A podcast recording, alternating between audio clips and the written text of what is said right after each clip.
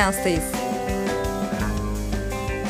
Her şeye başlamadan önce söylemek istediğimiz çok önemli bir şey var. Bu program spoiler içerir. Merhaba Ayşe Melek ve ben Elif Eda. Bu hafta Andrew'la seanstayız. Andrew 2014 yılında vizyona giren Whiplash filminin ana karakteri. Damien Chazelle ya da Chazelle bilemiyorum ama artistik bir ismi var. Onun yazıp yönettiği bir film. Aslında önce bir kısa film olarak hazırlıyor bunu yapıyor. Çünkü kaynak bulamıyor filme. Kimse çekmeye yanaşmıyor yani. O da kısasını çekiyor. Ondan sonra kaynağını buluyor ve biz de izliyoruz. Sonra da zaten La La Land'i çekti. O da böyle yine müzik tutkusu üzerine bir müzikal film. Bu filmi seçtim çünkü Melekçiyim. Aslında sana sormak istediğim için seçtim. İlk en öncelikli sebebi Elif çok seviyor bu filmi. Yapımcımız Elif'in. Ve şeyin de çok farkındayım. İnsanların gerçekten çok tutkulu olduğu bir film. Yani o zaman da bayağı bir sansasyon yaratmış. Bayağı bir hani böyle tutkuyla bağlandıkları zaten konu da tutku. Fakat beni çok rahatsız eden bir şey var filmin içinde. Bunu anlamak, kavramak istiyorum benle de çok ilgisi olduğunu da düşünüyorum bir yandan. Dedim ki Ayşe Melek bana yardım eder. Anlarız Andrew'un karakter arkını incelerken bir yandan da her zaman olduğu gibi bana korsan terapi yaparız diye düşündüm. Evet yaparız tatlım. Niçin yapmayalım? Terapi sen, bizim işimiz. Sen sevdin mi filmi? Ben filmi çok sevdim. Söylediğin şeyde bilmiyorum aynı şeyi mi kastediyoruz o rahatsız edici yer Hı-hı. bakımından ama bugün herhalde bunu tartışırız diye düşünerek geldim Hı-hı. ben de. Garip bir dilemma var bence çünkü filmde. Yani bir insanın gerçek potansiyelinin açığa çıkması ama bir yandan kendine uyguladığı şiddet Hı hı, hı. Kendini yok etmesi aslında. Hı hı. O zaman karakter arkamızın başında Andrew neredeymişle başlayalım. Andrew aslında belki de coming of age diyebileceğimiz bir film. Yani e, büyüme, yetişkinleşme, erişkinleşme filmi diyebileceğimiz, o janra koyabileceğimiz bir film. Çok da yaygın bir janr. Andrew hayatın başında aslında, 19-20 yaşında. Hatta işte onu bir kız arkadaşıyla da tanıyoruz. Yani hemen filmin yakın zamanlarında giren bir kız arkadaş olayı da oluyor. Mesela ona baktığımızda o kız arkadaşın kafası çok karışık. Üniversitede branşını seçmemiş öyle takılıyor. Ne istediğini bilmiyor ama hala insan yani hani. Rahat kafası kızın. Belki rahat değil gelecek kaygısı var tabii ki falan ama o ne istediğini kitlememiş. Andrew kitlemiş. Yani ne istediğinden çok emin, tutkusundan çok emin ve diğer her şeyi dışarıda bırakacak biçimde yol almaya kararlı. Filmin başından itibaren ne istediğini çok iyi bilen birini görüyoruz. Ama bence aslında istediği şeyin ne olduğunu bilmiyor. Yani ne istediğini çok iyi biliyor ama istediği şeyin neliğinin farkında değil. Yani ona neler yapabileceğinin farkında değil. Bunu kastediyorum. Ve Fletcher'la karşılaşıyor. Zaten o okula girmesinin muhtemelen sebeplerinden biri. Müthiş şöhret sahibi, son derece sert asker diyebileceğimiz yapıda yani bir adam, bir orkestra şefi. Bence narsisist ama lütfen sen söyle yani bu, bu, bu etiketi ben yapıştırmayayım. Adam karmaşık bir karakter. Ben hani bu tür zaten karmaşık karakterlerden genellikle hoşlanıyorum biliyorsun. Hı hı. Çok böyle belli anlarda verilen şeyler var ya. O yüzden tam narsisist diyemiyorum adama. Hı hı. Biraz ne, ne söyletiyor yapısı... mesela sana bunu? İşte bir, bir tane öğrencisi ölüyor mesela süreç içerisinde. Onun yüzünden intihar ediyor aslında. Bu bilgiyi saklıyor. Yani evet Manipüle ama... Manipüle ediyor. Hani orada bir şey var. Yani nasıl diyeyim? Ya adamı tam olarak sevgisiz bir yerde hissedemiyorum. Şimdi Hı-hı. narsisist deyince Hı-hı. patolojik tabii ki kişilik bozukluğu Hı-hı. boyutunda bir narsizmden bahsediyorum. Çünkü narsizm herkeste aşağı yukarı var olan bir şey Hı-hı. örüntüsel bağlamda. Hı-hı. Ama kişilik bozukluğu bağlamında baktığımız zaman gerçek anlamda sevgi duymayan, hiçbir şekilde kalbi en ufak bir şekilde açılmamış, aralanmamış bir yapıyla karşı karşıyayız biz aslında. Günlük hayatın içinde de. Bir tür makina gibi yani. Hani bu adamda da öyle bir yapı var. Ama bir yandan da bütün film boyunca ben şuna tam olarak ikna olamadım. Bu adam bu insanları sevmiyor. Andrew'yu özellikle mesela sevmiyor ya dair bir şeye niyeyse ikna olamadım. Ben çok ikna oldum. Ayrı düşünüyor olmamız da beni mutlu ediyor aslında. Çok ikna oldum çünkü tam bana şey örüntüsü gibi geldi. Bir narsisiste yaşayacağın ikirciyi yaşatan bir şey. Yani o patolojik narsisistle karşılaştığın zaman seni sevdiğini zannedersin, emin olamazsın, seviyordu dersin, beni sevdiğinden yapıyordu dersin falan filan. Tam öyle bir karakterle karşı karşı olduğumu düşündüm. Hatta işte iki an var zaten yönetmenin Fletcher'a dair gösterdiği şefkat duyabileceğimiz. Bir tanesi sanırım bir ya bir arkadaşının bak orayı Çocuk, hatırlamıyorum. Kız çocuğu. Kız çocuğunla muhatap oluyor cim cim cim falan bir şeyler yapıyor. Cim cim cim yapmıyor da. Bir de ilk başta bize söylediği biçimiyle bir trafik kazasında ölen o muhteşem öğrencisi için ağladığını falan görüyoruz. Fakat tabii sonra öğreniyoruz ki trafik kazasında falan ölmemiş. intihar etmiş. Ve Fletcher'la birlikte hayatına giren bir kaygı ve depresyon sonucu buraya taşındığı iddia ediliyor. Şimdi bunlar bana tam olarak zaten yönetmen biz adamdan emin olmayalım diye yaptığı dokunuşlar. Bu tam olarak şey şöyle bir birisi diye köşeye etmeyelim diye yaptığımız dokunuşlar gibi geldi. Gerçek hayatta da hani bir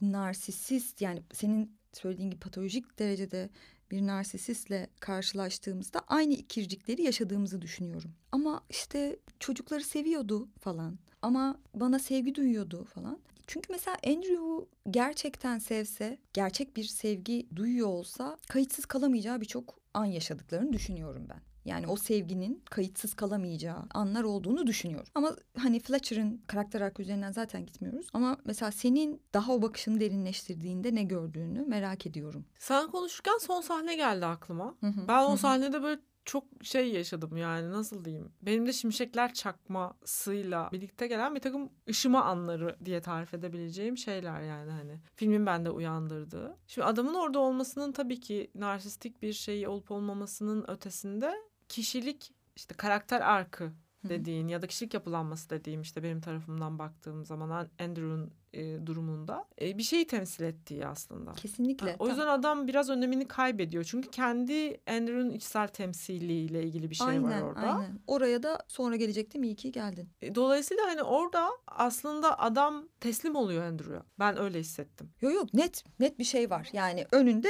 eğiliyor. Evet. Onay veriyor aslında. Hı hı. Ve Andrew da o aradığı onayı ondan bulmuş. Hatta ondan bir önce bir tık önce babayı göstermesi de çok önemli. Andrew'un babasını göstermesi de çok önemli. Çünkü çünkü normalde baba oğul arasında bir onay hikayesi vardır ya. Klasik anlatıda da vardır. Bu psikolojide zaten vardır. Hani baba dehşetle bakıyor mesela çocuğuna. Onun onay vermeyeceği çok net. Ama zaten Andrew'un onay aradığı kişi o değil. Fletcher. Burada da söylediğin şeyi çok doğru buluyorum. Çünkü üzerinde düşünürken yani beni mesela narsisist olmayabilir diye şüphe yaşatan tek şey son andı.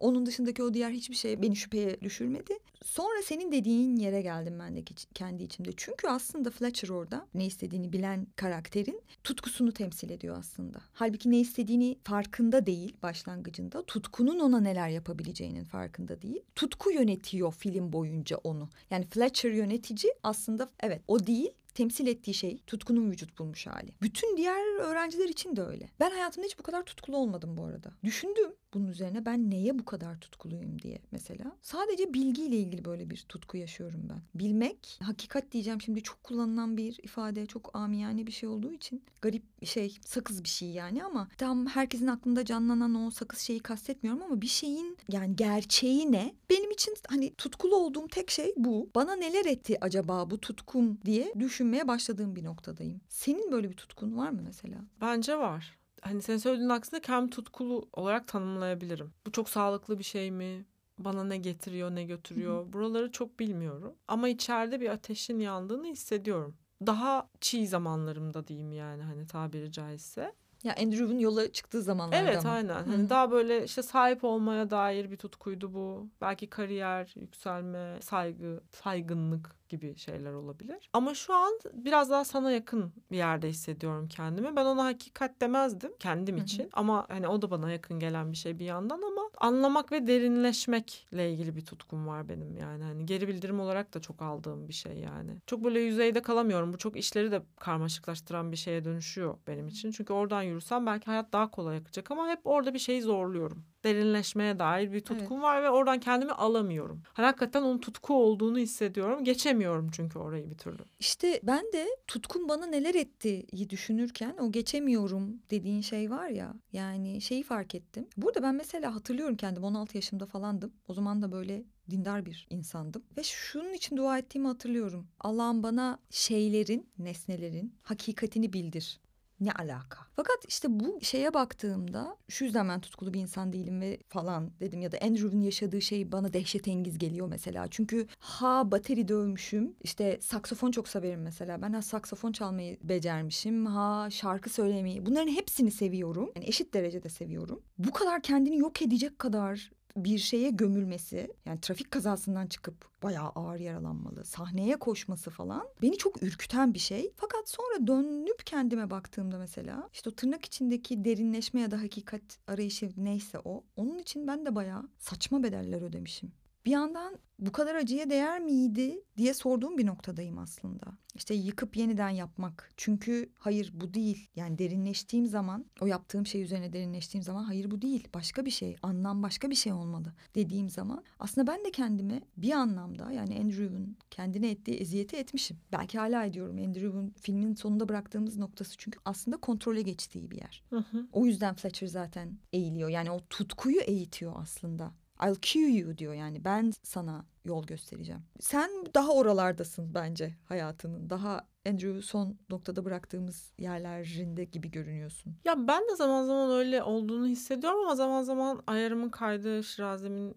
kaydığı yerler oluyor açıkçası. Ama biraz daha evet oralara yakın bir yerlerde hissediyorum. Bunu söylemeye de korkuyorum bir taraftan. Çünkü seni. insan olmak stabil bir şey değil. Ayak kayar bir şey olur. Dağılırım ki dağıldığım çok zaman oldu yani bu yaşıma kadar. Çok yakın zamana kadar beni dağıtan olaylar oldu vesaire falan filan. Ama söylediğim bir şey mesela aklıma şunu getirdi. Yani bu filme dair. Nerede okudum şu an tam hatırlayamadım ama herhangi bir şeyde çok fazla gerçekten gayret etmek ve derinleşmek sizi hakikate ulaştırır. O şeyin ne olduğunun bir önemi yok diyordu. Bence insan olmanın şeyi de biraz bu. Keşfetmemiş ya da oraya temas etmiyor olsak da hepimiz de bir yerlerde buna dair bir tutku varmış gibi geliyor bana. Yaratılışsal bir şey gibi. Ama mesela şeye baktığımızda kadim öğretiler falan hani hep o tutkuyu gömmek üzerine gibi geliyor bana ya.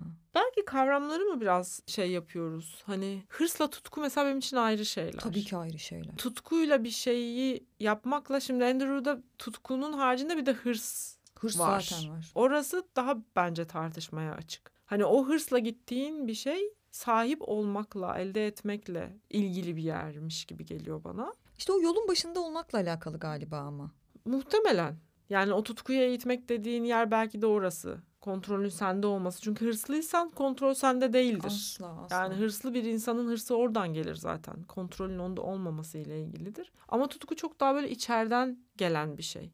Ve yıkıma da dayanıklı bir şey o manada aslında senin az önce söylediğin. Ben de şimdi sen konuşurken dönüp baktım pek çok anlamda ben de çok yıkım yaşamışım mesela hayatımda. Tam da bu derinleşme dediğim tutkuyla ilgili bir şey aslında orada da. Çünkü yeterince derinleşemediğimi, benim için yeterince hala anlamlı olmadığını hissettiğimde bir şeylerin orada var olmaya devam edemiyorum. O bir türlü içime sinmiyor. Tutku isteyen bir şey midir? İstekle ilgisi var mıdır? Var oraya ulaşmak istiyorsun Hı. çünkü.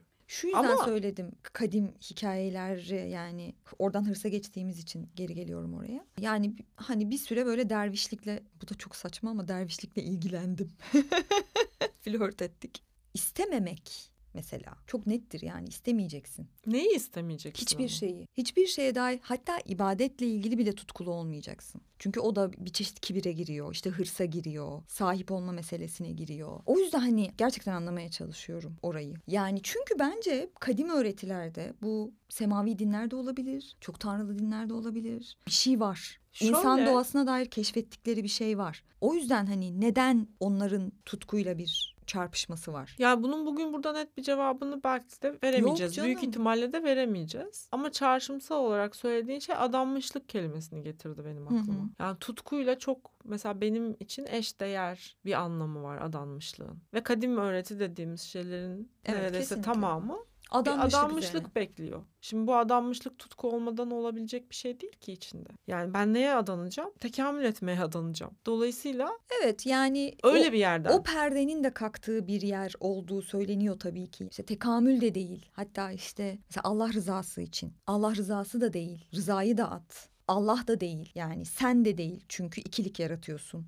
Yani böyle enteresan bir ilerleyişi var oranın. Hani orada derinleştikçe kafam çok karışıyor yani. E belki de kavranabilecek bir yer değil. Akılla kavranabilecek bir yer değil. Ama anlamak istediğim bir şey bu. Yani birinin bir şeye, bir eyleme. Çünkü dediğim gibi benim tırnak içerisinde tutkulu olduğum şey çok soyut bir şeymiş gibi geldiği için. Ama çok somut yani mesela işte bateri çalmak gibi, bateri gibi, müzik gibi ne bileyim başka bir şey de olabilirdi bu. Aklıma Ida karakteri geldi. Pavel Pavlikovski'nin Ida filmi var. Hatta onu da konuşalım istemiştim seninle. Çünkü inanmanın psikolojisini, inancın psikolojisini konuşmak istiyorum. Yani o da İsa'ya adanmış bir Yahudi kız. Sonradan öğreniyor bunu. Mesela oradaki tutkulu İsa'ya adanmışlık tutku içermiyor. Adanmışlık var ama tutku yok bizi yiyen bir tarafı var herhalde bu tutkunun. Çünkü filmin sonunda ne kadar kontrolde olsa bile hala kanı ve teri damlıyor yani bateriye. Bu biraz korkutucu bir şey. Somut bir şey için akıtılan bu kadar kan ve ter sanki. Yani orada teslimiyetle ilgili bir yere geliyor sanki hikaye. Yani, Adanmışlıkta mı yoksa? Yok işte bu kar, yaptığın karşılaştırmada hani İda'da adanmışlık Hı-hı. var ama tutku yok dedin ya o farktan bahsediyorum. Hı-hı. Birinde kendinden daha büyük bir güce kendini teslim etmekle ilgili bir şey var ve o tutkuyu belki seyrelten bir şey. Ama Andrew örneğine baktığımızda tamamen kendi bireyselliğine, kendi gücüne yaptığı bir yatırım hmm. söz konusu. Hmm. Çok güzel söyledin bence. Kendi gücüne, onu bir daha söylesene ya.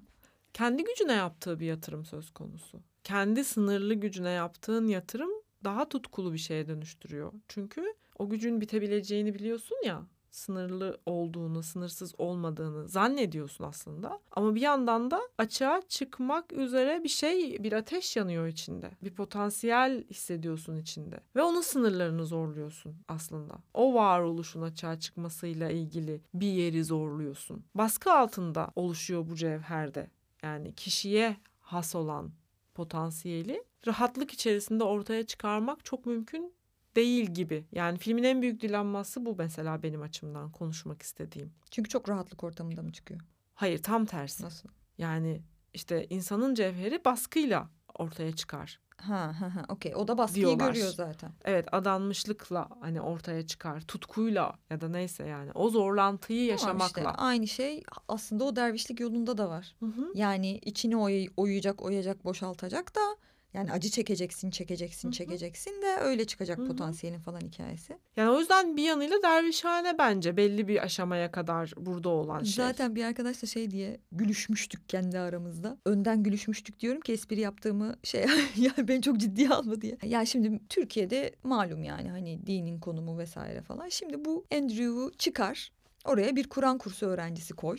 Ve tutkusu da en güzel şekilde Kur'an okumak. Ve başına da Fletcher gibi bir hoca koy bakalım. Türkiye'de çok sevildi ya şimdi Whiplash çünkü. Hı hı. Çocuğun tutkusu o abi. Yani evet. en güzel derecede Kur'an okumak. Fletcher da elinde sopasıyla. Başındaki hoca da Fletcher gibi aynı onun yaptığı eziyetleri yapan bir hoca. Şimdi aynı coşkuyla karşılanır mıydı bu film mesela?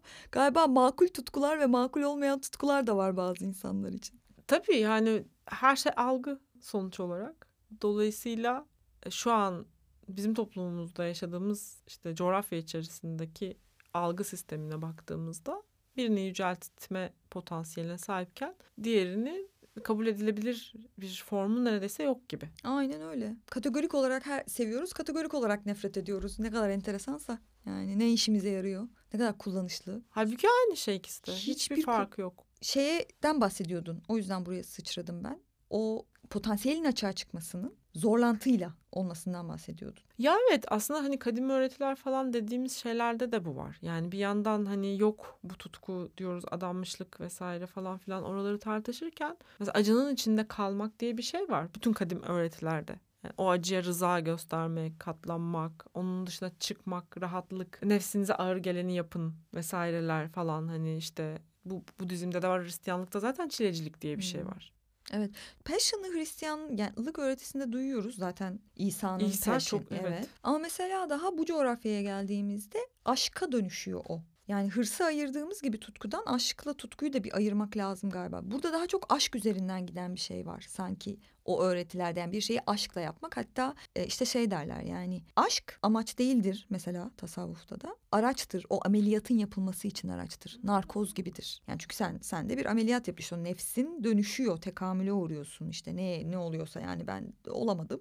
O yüzden bilmiyorum. Oradan bildiremiyorum. E, ama o işte mesela tutku değil aşk. O da başka bir şey sanki değil mi? Hırsı ayırıyorsak aşkı da ayırmamız lazım. Tabii. Tutku yine daha fazla kendine yatırım yaptığın, aşk yine ötekine yatırım yaptığın bir şey gibi bir ayrım hmm. geliyor zihnime. Hmm. Ya tutkuda ben yaparım, ben yapacağım, ben başaracağım.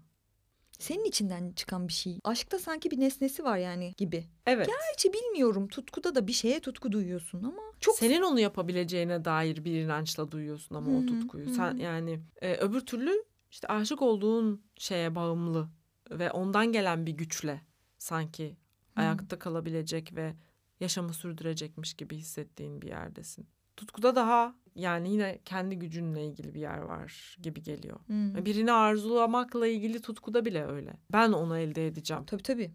Kesinlikle yani oradaki o özellikle birini arzulamak hikayesi bence herkesin bir durup acaba burada bir sahip olma hırsı var mı diye de bir sorması gereken bir nokta. Onu mu arzuluyorum yoksa ona sahip olma fantazisi mi kuruyorum? Bambaşka şeyler aslında.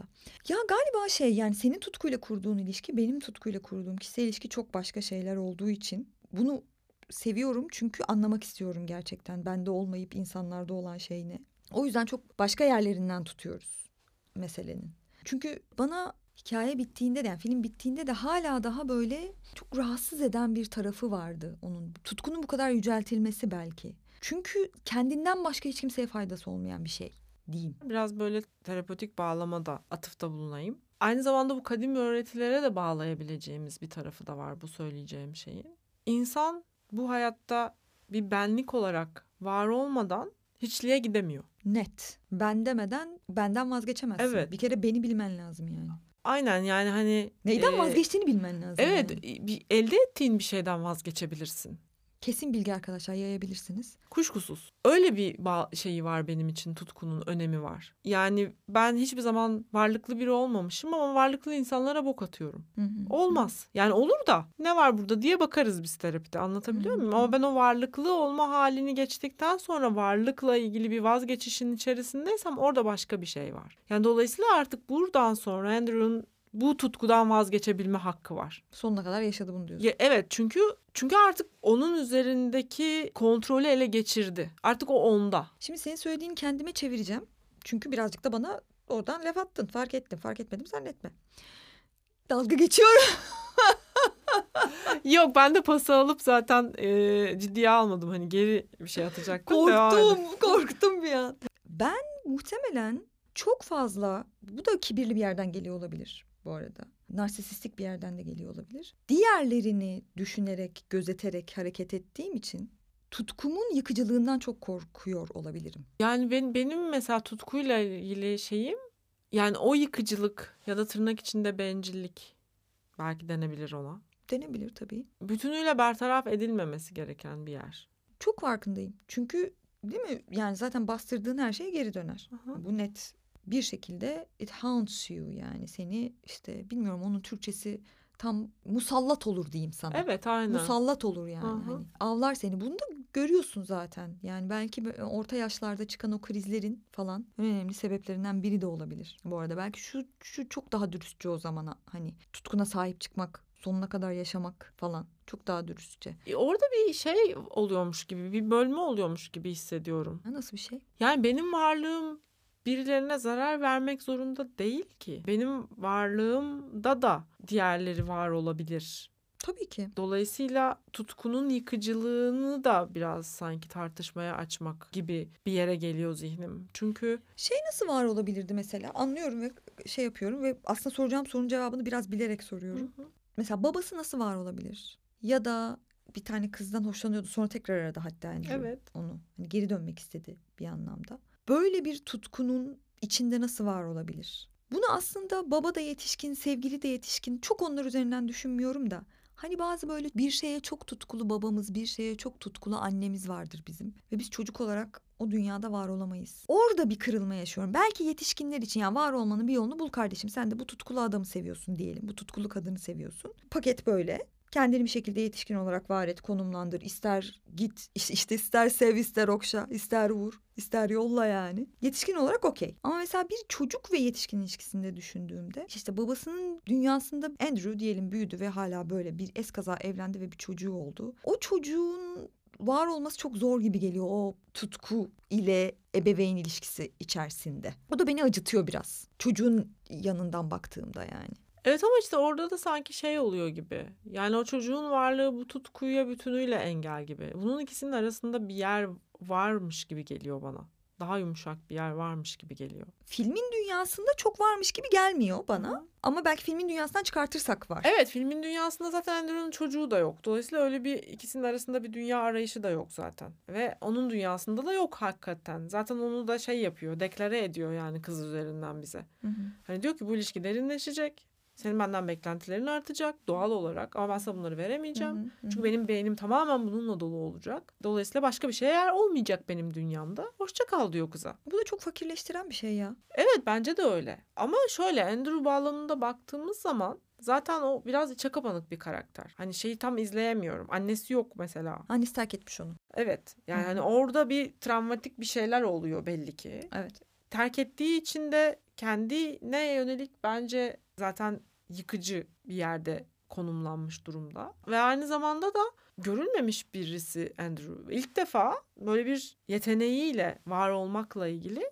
ama babası görmüş onu. Bir ya. şeyi var. Babası görmüş, videoya kaydetmiş hatta çocukluk videolarını falan izliyor. Babası bana verici ve gören bir baba gibi geliyor aslında. İlişkilerinden de biraz onu koklayabiliyorum. Evet evet öyle bir baba doğru söylüyorsun ama yine de hani anne anne yok ya ortada. O başka bir şey tabii evet. Hiç yok Hiç zaten. yok. Kadın. Terk yani, etmiş hani o, orada orada bir e, kesin vardır. Hikaye var yani. Orada dönen bir hikaye kesin. Anne varsa da hikaye vardır, yoksa da vardır. Ya ne nalet şeydir bu ya. yani aslında şey var yani daha da böyle iyice alt okuma yapacak olursak şu annenin yokluğu, annenin gidişi Andrew'un asla kontrol edemediği bir şey olmuş ya. Mutlak anlamda kontrolün elinden alındığı bir şey var orada. Hayata başlangıcın yani. Senin en çok ihtiyaç duyduğun varlık, senin sıfır kontrolün olduğu bir yerde çekip gidiyor hayatından. Şimdi bu halimizle, bu bedenimizle ve bu zihnimizle bunu anlamamız çok kolay değil. Ama müthiş büyük bir acı bu. Yani gerçekten çok fiziksel e, maksimum düzeyde can yanmasını hayal edelim. Hem dinleyiciler hem biz. Tam da öyle bir acı hissettirecek bir kayıp, nesne kaybı var orada. Dolayısıyla oradan geldiğimizde hikayede bütünüyle kontrolün elinde olduğu bir yere geçiyor aslında Andrew. Hayatın o yıkıcı başlangıcından yıkıcılık, yıkıcılık, yıkıcılık ve sonunda kendi potansiyeliyle artık kimsenin bana bir şey yapamayacağı bir yere geliyorum ben. Yani sıfır kontrolün olduğu bir başlangıçtan mutlak kontrolü ele geçirdiği bir yere doğru geliyor o hikaye. Andrew benim danışanım olsaydı mesela buraya çok odaklanırdım. Anne kaybı üzerinde. Evet anne kaybı üzerinden bu tutku bağlamına mesela odaklanırdım. Zaten psikanalizde de bunun böyle bir açıklaması var yani hani o tutkuların özellikle nesne kaybıyla hı hı. çok yakından ilişkisi var bildiğim kadarıyla. Bir şeye daha değinmek istiyorum. E, ben şey arketipinden de çok darlanıyorum da. Yani şöyle şimdi işte aslında tekrar şeye bağlasak bu tutku başka bir tutku olsaydı işte bir Kur'an kursu öğrencisinin tutkusu olsaydı bu film bu coşkuyla karşılanmayacaktı falan. Çünkü karşıladığı yer bu karakterin arketipsel olarak karşıladığı yer bu yaratıcı arketipi yani sanatçı arketipi ve bu çok böyle hani bizim el üstünde tuttuğumuz bir şey. Hepimizin olmak istediği bir de yani ama common man var, ordinary man var. Böyle bir arketip de var. Aslında bütün çileyi çeken Tamam mı? Bu insanlar... Sıradanın Sessiz Tecavüzü diye bir kitap vardı o geldi aklıma. E yani vardır. Yani şimdi bu şeye baktığımızda şimdi geçen gün Zeynep'le şeyi konuşuyorduk da işte su israfı olmasın diye işte duşu açtığında bir ısınmasını beklersin ya suyun. Onun için kovaya dolduruyoruz sonra kullanmak üzere su israfı olmasın diye. Geçen günde ama şey okuduk. Akan sular zaten kanalizasyona gidiyor oradan arıtmaya gidiyor. Arıtıp denizlere karışıyor. İsraf olmuyor. Sonra geçen gün ben şey düşünüyordum işte. Abi arıtmanın gerçekten layıkıyla yapılıp yapılmadığını kim denetliyor? Birinin denetlemesi lazım. Bu çok şey bir iş yani hani. Spesifik, hiçbir tutku gerektirmeyen. Anlatabiliyor muyum? Ve kimsenin de övmediği, hakkında film yapmadığı, hakkında kitap yazmadığı bir insan yapıyor bunu. O kadar tutkulu bateri çalan bir adamdan daha kıymetli olabilir mesela anlatabiliyor muyum? Bu arıtmanın gerçekten yapıldığını denetleyen kişi ya da huzur evlerinde, bakım evlerinde, işte insanlara, yaşlılara ve çocuklara sağlıklı davranıldığını, düzgün davranıldığını denetleyen kişi tutkuyla bateri çalan birinden acaba daha mı övmemiz gereken biri diye. Yani böyle içimde oraya dair bir kızgınlık var ya benim çözümleyemediğim. Yani makul geliyor açıkçası kulağıma. Yani bir yandan da şey geldi aklıma. Jordan Peterson diye bir adam var. Duymuşsundur mutlaka. Yok Bizim duymadım. alandan birisi yani böyle işte. Biraz böyle şey diye de ben benim çok sevdiğim birisi de eleştirenler işte adamı muhafazakar olduğu için eleştiriyorlar. Hani muhafazakar bir tarafı var hakikaten. İşte aileyi destekliyor yani.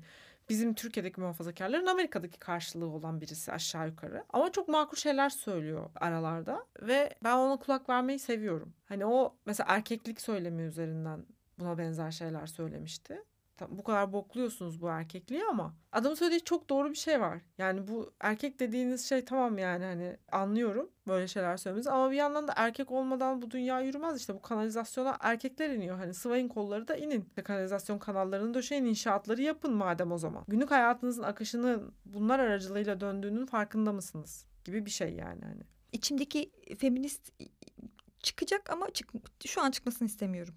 Yani şöyle zaten feminizme aykırı bir şey söylemiyorum. Bir de bu var gibi bir yerden konuşmayı seviyorum yani hani Peki her konuyla abi, ilgili. Yani işte o kategorik sevme, kategorik nefret etme hikayesinden uzak durmamız gerekiyor zaten. O yüzden evet yani zaten herkes bu kadar tutkulu olsun gibi bir şeyi savunamayız. Hakikaten bazı insanlar çok sıradan işler yapıyorlar ve bu çok kıymetli bir şey. Hayat onlarla yürüyor zaten. Mahalledeki bakkalla yürüyor hayat ve adamın çok büyük ihtimalle bir tutkusu yok. Varsa da artık önemsiz hale gelmiş o tutku onun için belli ki peşinden gitmediği için. Bakkalıyla mutlu adam yani. Ya Mustafa Kara'nın bir filmi vardı Kalandar Soğuğu diye. Ben ilk defa orada şeyi fark etmiştim. Ailesini geçindirmek zorunda olan bir adam var. Karadenizli. Fakat bir tutkusu var adamın. Altın aramak. Bu tutkusuyla ailesini geçindirmek arasında bölünüyor adam. İlk defa mesela aileyi geçindirmek denilen şeyin o da sadece erkeklere yükleniyor ya bir yerde hani bu aynı aslında kültür içerisinde. Ne kadar ağır bir yük olabileceğini fark etmiştim.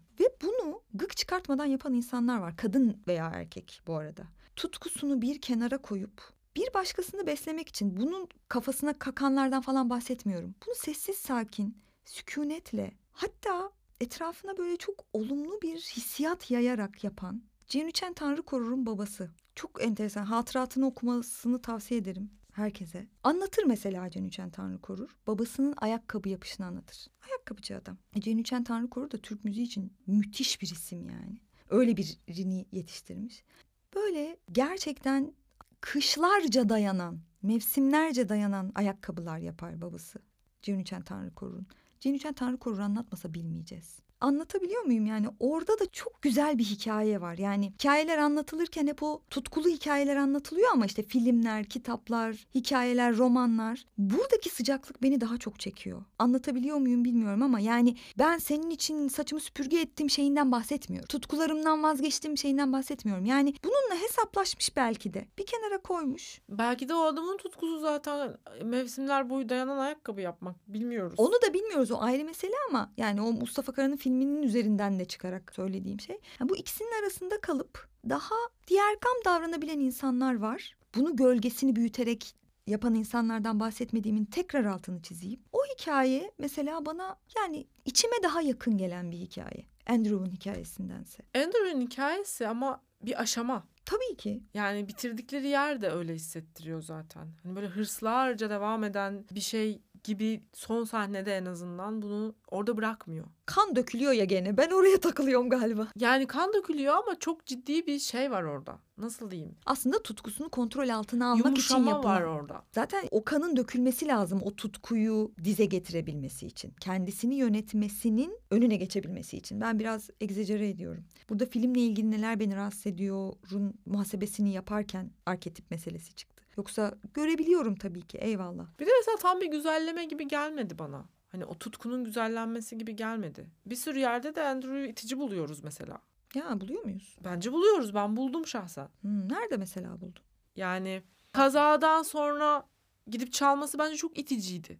Hı hı. Yani wow demedim ben orada. Adam buna rağmen bunu yapıyor ben gibi. Ben de hiç wow demedim ama işte tam da şey yüzünden bana itici gelmedi. İşte arayışta olduğunun o zaman çok farkında olduğum için. Yani o bir şeyin kontrolü altındaydı. Kendinde değildi. Bir şey ondaydı. Bir şey onu yönetiyordu yu gösteriyor diye itici bulmadım sanırım. Mesela yemek sahnesinde kuzenlerini aşağıladığı falan bir sahne var ya. Hı Mesela orada da aslında normalde itici ama bir şeyin kontrolü altında olduğunu görüyorsun ya. Oradaki sahneyi ben başka okudum bu arada. Hı, nasıl okudun? Bir şeyin kontrolü altında olduğu için görmüyorlar çocuğu. Tabii görmüyorlar. Evet. Başkaları övülüyor sürekli. O çok evet. büyük bir şeye adanmış ve çok gerçekten kalın canını ortaya koymuş bir şey yaparken onun varlığı hiç söz konusu edilmiyor. Doğru. Ona yönelik bir öfke çıkarıyor aslında orada Doğru çocuk. ama bu öfkeyi çıkarmanın yolu aşağılama mı kısmı benim sorgulamam mesela. E, aşağılama olmasını itici bulmamamın sebebi de görülmüyor oluşundan doğan öfkenin kontrolü altında olması. Yani bir şeyin kontrolü altında. O yüzden mesela itici bulmuyorum o sahneyi de. Diğerinde de hala daha tutkunun kontrolü altında yani onu ta- tanımıyor yani neyle uğraştığını bilmiyor gerçekten. Korkunç bir sahneydi bence yani o. Aşağılama sahnesi. Hayır hayır. Arabadan çıkıp gidip evet, davulla evet, evet. falan. Bence de çok yani mesela yemek sahnesi benim için çünkü meşru bir sebebi var Andrew'un orada. Hani davranışının tam olarak mükemmel olup olmadığı, olgun olup olmadığı tartışılır ama şöyle bir yerden yapmıyor sonuçta. İşte e, hiç böyle aşağılama yani görülmeme falan filan yok. Durup dururken kendi yaptığı şey üzerinden milleti aşağılıyor. Yani bu çok çiğ ve çirkin Tabii. bir şey olurdu. Meşru bir sebep veriyor orada bize. O yüzden orası çok şey gelmedi bana yani. Hatta bir yanıyla çocuğun tarafını tuttuğumu da hissettim yani. O mal mısınız yani? hayatını ortaya koymuş yani. Biriniz de bir görün takdir edin la falan gibi duygular oluştu Üstelik içimde. yani kuzenler de o kadar o kadar yanlarında durulmayacak tipler. Evet aynen. Neyse o yüzden hani kızla ayrılırken ki şeyde de mesela ya ne yapıyorsun kendine falan oluyorsun. Hani böyle alkışlamıyoruz. Wow tutkusunun peşinden gidiyor tabii, falan tabii. gibi kızla bir... ayrılırken hiç alkışlamıyoruz zaten. Öyle bir güzelleme yok filmde tutkuya dair. Ama işte zaten filmdeki karakter arka karakter yolculuğu bunun üzerinden ya zaten. Yani hani şu an etkisi altında olduğu şeyin farkında değil, bilmiyor. Ama sonunda geldiği yer bence biraz glorify ediyor, yüceltiyor. Yani sonunda, en sonunda geldiği yer işte tutkusunu da kontrol altına aldı. Okey. Dolayısıyla kontrol altındaki tutku da glorify ediliyor. Kutsallaş, kutsallaştırmak mı diyeyim? İşte kontrol altındaki değil de biraz orada ehlileşme de hissediyorum Heh. ben aynı zamanda. Belki o beni şeye karşı yumuşatıyor. O zafer Hı-hı. hissine karşı yumuşatıyor. Çünkü biraz da sanırım sembolik olarak izledim ben orayı. Yani insanın kendi içindeki kendi varoluşuyla ilgili bir yerde, kendini var edebildiği bir yerde o cesareti göstermesiyle ilgili. Aslında çünkü o güne kadar yaptığı şeyler vesaire falan filan evet hırslıydı vesaireydi falan ama orada o verilen karar ve her şeye rağmen ben bunu yapacağım ve senin kontrolünde değilim itirazını evet. görmek sadece tutku bağlamının dışına çıkartan bir şeye dönüştü benim için Doğru filmi. söylüyorsun. Evet. Evet. Orada öyle bir etkisi var. Doğru söylüyorsun. Evet yani dolayısıyla biz Andrew yolculuğunun başında aslında en az itiraz ettiği, bir anlamda küçümsediği kız arkadaşı kadar kayıp buluyoruz. Yani kendisi farkında değil bunun. Çünkü tutkunun içinde kaybolmuş. Ama sonunda senin dediğin noktada kendinde bir yerde bitiriyoruz. Bu kendinde olduğu yerin neresi olduğu işte benim gibi alıcılar için farklı bir hissiyat yaratabilir. Bir başkası için farklı bir hissiyat yaratabilir. Ama bir varlık ortaya koymuş. Yani bir yolculuktan geçmiş ve o yolculuk sonunda bir varlığını ortaya koymuş bir yerde bırakıyoruz. Ve dolayısıyla da Fletcher'ın temsil ettiği tutku aslında onun karşısında boyun eğiyor. Okey diyor yani hani tamam sen beni artık teslim aldın. Ben senin efendiliğinden çıktım. Güzel. Yani orada şey ikilemi de hoşuma gitti benim. O öğrencisi intihar ediyor. Bunun yükünü Fletcher'a yüklüyoruz evet. Bence bütünüyle böyle olması mümkün değil. Sembolik olarak ele aldığında zaten yani sen o tutkunla başa çıkamadığın için intihar ettiğinde de sorumluluk sende. Evet. Yani vazgeç git abi o yoldan yürümek zorunda değilim de. Terapi al meleğe gel. yani şey aslında hani onu bize gösteriyorlar ama bir yandan da Andrew var ölmek yerine, intihar etmek yerine var o zorlantı karşısında var olmayı seçiyor. Ve o varoluş da işte şey bir varoluş değil yani. Bak şöyle söyleyince gaza geldim şimdi gerçekten. Doğru. Çünkü aslında bir yok olma denemesi de yaşıyor. Evet. Her şeyi atıyor, atıyor bilmem ne falan feş mekan. Bir yokluk şeyine de giriyor yani. Fakat oradan var olmayı seçiyor. Evet var olmayı seçiyor ve bir an o yani o seçiş. Ve bence ışıltılı bir an o ya. Doğru söylüyorsun doğru. Yani Belki... şöyle bir şey. Hani şu kıyası yaptın ya. Bazıları da sessizce hmm. işte ayakkabı yapıyorlar ve birilerinin işte daha bütünün hayrına tabiri caizse hizmet edip. Ama o da ışıltılı olabilir bence. Evet işte tam onu diyecektim zaten. Bu bunun karşısında bir şey gibi değil bence. Yani o da çok ışıltılı bir şey. Çünkü orada da bir seçim var. Kendini, öyle var olmayı seçmek. Kendini öyle var etmek ve bunun yükünü kimseye yüklememek Tam hikayesi. Olarak. Zaten yükünü yükleyenlerle, yükünü başkasına yükleyenlerle ilgili konuşmuyorum. Tekrar tekrar altını çizeyim. Ama öyle bir var olma biçimi var ki hakikaten o yükü kimseye yüklemeden kendisi almış ve evet şöyle söyleyebilirim o zaman. O ışıltı nedense bana çok daha cazip geliyor. Andrew'un kimi yoksa Çin Çen Tanrıkor'un babasının ışıltısından mı bahsediyoruz? Jian Chen Tanrıkor'un babasının ışıltısından bahsediyorum. Yani o ışıltı sıcak geliyor ya. Çok sıcak geliyor bana. Bana ikisi de aynı derecede kıymetli geliyor. Çünkü günün sonunda aslında hakikaten böyle ego durumları diye bir şey var. İşte bizim psikoloji literatüründe bir kuram. Ve işte o ego durumları orkestra o yüzden bana çok şey geldi mesela filmin kurgusu açısından. Anlamlı geldi yani. yani psikoloji bağlamında anlamlı geldi. Orkestrayı yönetmek gibidir aslında insanın benliğini yönetmesi. Ve şef orada Fletcher'ken hayır sen değilsin artık şef benim deyip merkezi bir egoyu gerçekten yetişkin egosunu o ergen işte hırslı ne yapacağını bilemeyen birinden ben geldim artık tutkumu da görüyorum yönetebilirim ve her şeyi okey halledebilirim gibi bir o oraya olan bağımlılığından kurtuldu ve bütün sorumluluğu üstüne aldı bir yere bir yere geçiyor sanki. Diğer türlüsünde de sadece yürünen yollar farklı kesinlikle, gibi hissediyorum. Kesinlikle. Ben çok açık senin de senin anlatman da çok açık net bir biçimde bunu görüyorum çok berrak ikisi de birbirinden kıymet değer anlamında farklı gelmiyor bir akıştan bahsediyorum diğerini daha sıcak buluyorum derken bu da tamamen işte benim kendi içimdeki hesaplaşmalarımla alakalı bence. Yani o benim hikayem, benim yolculuğumla alakalı bir şey. Diğerini sıcak hissediyor. Oraya akıyor olmam. O diğeri derken de netleştireyim yani işte hani o tutkusunu da bir kenara koymuş. Yükünü de kimseye yüklememiş. Daha yergan bir yerden işini gücünü yapan arketip ya da işte karakter. Bir akış hissediyorum içimde. Çok şahsi bir şeyden, çok kişisel bir şeyden bahsediyorum. Yoksa bütün bu yollardan geçip öyle ya da böyle varlığına sahip çıkma, varlığını ortaya koyma bence de çok ışıltılı ve çok yetişkince bir şey ve çok keyifli bir şey. Yani o yetişkin olmak çok keyifli bir şey aslında. Hani o içindeki çocuğu öldürme dırt dırt falan hikayeleri var ya bence o çok yanlış anlaşılıyor. Yetişkin olmak daha oyun alanı açık, daha keyifli, daha eğlenceli bir şey. Bu anlamıyla yani yolculuğunun yükünü yüklenip, acısını çekip, seçimini yapıp, bedelini kimseye ödetmeyip devam etmek yetişkinlik bence ve çok da keyifli bir şey yani. Şöyle bir yer de var aslında filmde. Hadi Sen bakalım. söyledikçe zihnime gelen. Şimdi Andrew'a baktığımızda çok hırslı ve çiğ tarafları olan birisi gibi hikaye boyunca ama günün sonunda kimseye de kendi dışında zarar vermiyor aslında. Tabii. Yani bu hırsıyla birilerinin ayağını kaydırmak. Yaptı. Evet ama çok kabul edilebilir düzeyde. Yani bir iki yerde yaptı Evet onu. bir iki yerde var ama hani onlar da olmasa zaten çok şey bir kahraman. Karton bir, karton bir kahraman olur. İnsan yani sonuçta bu bahsettiğimiz. Oralar bana ama Dark Side'a geçebilmeye yakın taraflar gibi geldi işte. Yani işte ama onu insan yapan da. Onun ilerisi gitti. Zarar veren taraf yani. Belki Joker konuşurken konuşabileceğimiz bir şey. Olabilir şey. evet. Hani babasıyla ilişkisinde, kız arkadaşıyla ilişkisinde, başka insanlarla ilişkisinde büyük bir yıkıcılık görmüyoruz şeyde karakterde. Zaten muhtemelen Fletcher'ı şikayet etmesini istiyorlar ya ben orada öyle bir şey okudum yani.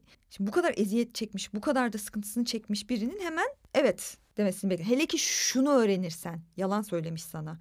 O çocuk trafik kazasında ölmemiş. Evet. Dersin ki evet böyle böyle ya yaşadıkları da yenilir yutulur cinsten değil. Muhtemelen şunun da farkında olduğu için böyle yapıyor diye izledim ben onu. Abi ben istedim. Ben arzuladım benim tutkum. Onun sorumluluğunu alan bir çocuk zaten bu. Dolayısıyla o kapasite onda var. O olgunlaşma kapasitesi onda var. Sonda gördüğümüz o kapasite zaten onda olmasa o karaktere hiç inanmayız. Bir dipnot olsun bu da dramatik yazım anlamında yani hani bir filmin yazımı anlamında. Karakterdeki o potansiyeli görüyoruz zaten. Evet. Psikoloji bağlamında da işte ona yetişkin egosu diyoruz biz zaten. Yetişkin tarafımız diyoruz. Yani o hep hissediliyor bence filmde çiğ taraflarıyla beraber. Yani kızla konuşması da çok yetişkince bir şey. Tabii tabii kendi sorumluluğunu kendi alıyor gene. Kendi sorumluluğunu alıyor evet. Diyor ki böyle Seversin böyle sevmezsin. Aynen. ben valla çok sağ ol ya. Filmi benim için çok güzel bir yere oturttun. Bu filmi seçerken tam da bunu istiyordum aslında ya. Abi ben niye huzursuz oluyorum bu filmle ilgili? Bunu anlamak istiyorum. Benim zihnimde çok güzel bir yere doğru evrildi. Çok teşekkür ediyorum. Geldik sonuna seanstayızın. Bize buraya kadar eşlik ettiğiniz için size de teşekkür ediyoruz. Önümüzdeki hafta başka bir karakterle seansta oluruz. Belki de olmayız. Çünkü hayatlarımız da bir yandan karışıyor. Elif de bazı yoğunluklar yaşıyor. Bakarız. Bir minik ara verebiliriz, vermeyebiliriz de kulağınız bizde olsun. Biz buradayız, bir yere gitmiyoruz da bazen minik aralar belki verilebilir diye düşünüyoruz. Hoşçakalın. Hoşçakalın efendim. Görüşmek üzere.